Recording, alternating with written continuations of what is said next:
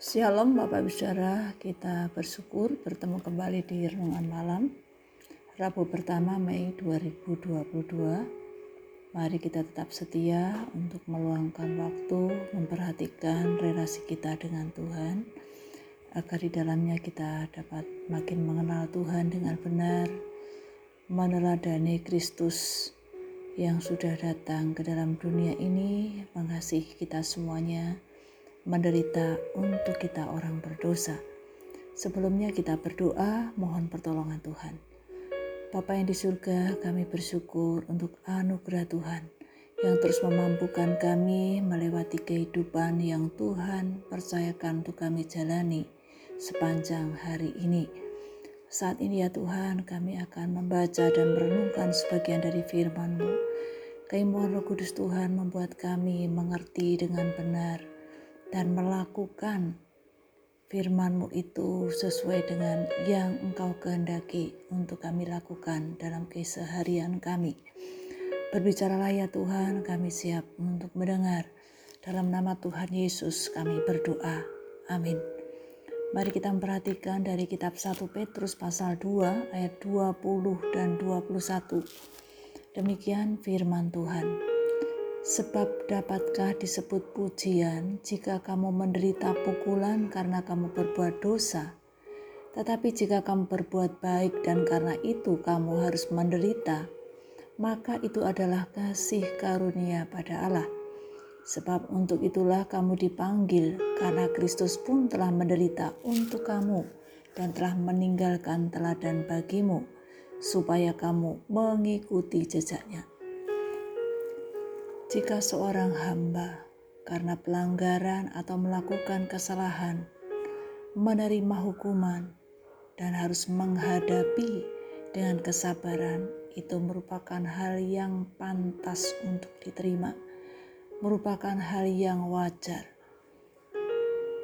merupakan hal yang sia-sia jika melakukan perlawanan, dan itu sesuatu yang tidak berguna karena sudah jelas melakukan pelanggaran.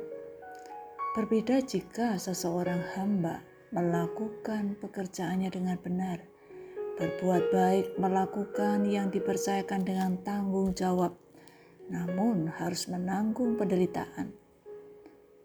Dengan sabar, itu merupakan anugerah Allah, penghargaan di hadapan Allah, bahkan merupakan satu berkat Allah sekalipun itu sulit untuk dipahami. Kita menderita karena dosa, karena kesalahan, karena pelanggaran yang kita lakukan. Itu merupakan hal yang wajar. Yesus datang ke dunia. Ia menderita karena melakukan kebenaran.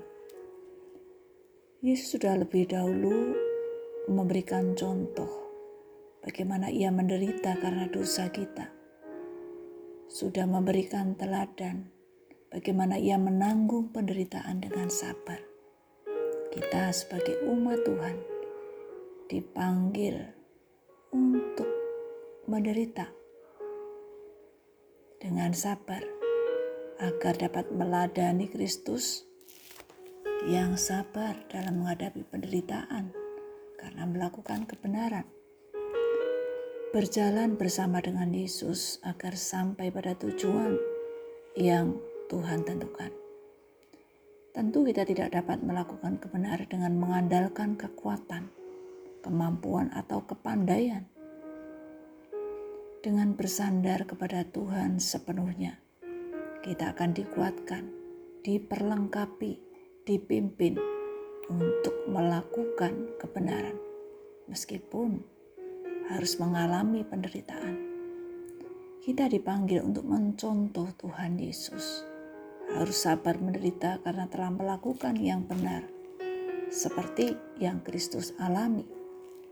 Yesus datang ke dunia untuk menderita, untuk mengatasi persoalan yang terutama, yaitu dosa manusia. Kristus tidak berbuat dosa, namun ia menanggung hukuman, penghinaan, namun ia tidak membalas. Ketika kita menderita oleh karena kebenaran, kita tidak berhak untuk membalas. karena sangat jelas bahwa pembalasan itu adalah haknya Tuhan. Yang perlu kita lakukan adalah berbuatlah yang benar, yang baik bagi semua orang. Tuhan Yesus menolong kita untuk melakukan kebenaran firman-Nya. Kita berdoa. Bapa yang di surga kami bersyukur memiliki Tuhan Yesus yang bukan hanya datang ke dalam dunia mencari, menyelamatkan kami orang berdosa, tetapi Tuhan Yesus datang untuk menderita bagi kami orang berdosa. Tuhan Yesus telah memberikan teladan bagaimana Engkau menderita untuk kami orang berdosa.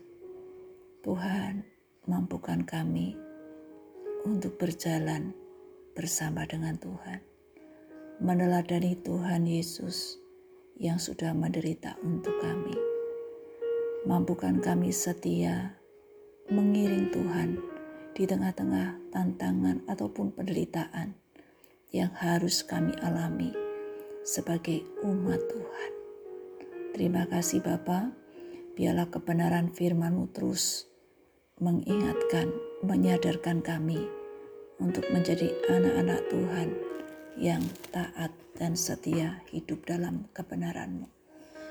Bapa, kami juga menyerahkan hidup kami, istirahat kami hanya kepada Tuhan Yesus yang memiliki hidup kami.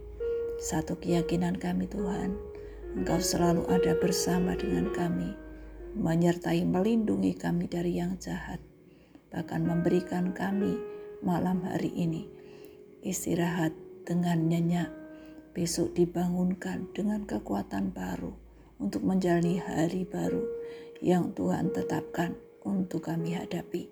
Terima kasih, terpujilah nama Tuhan.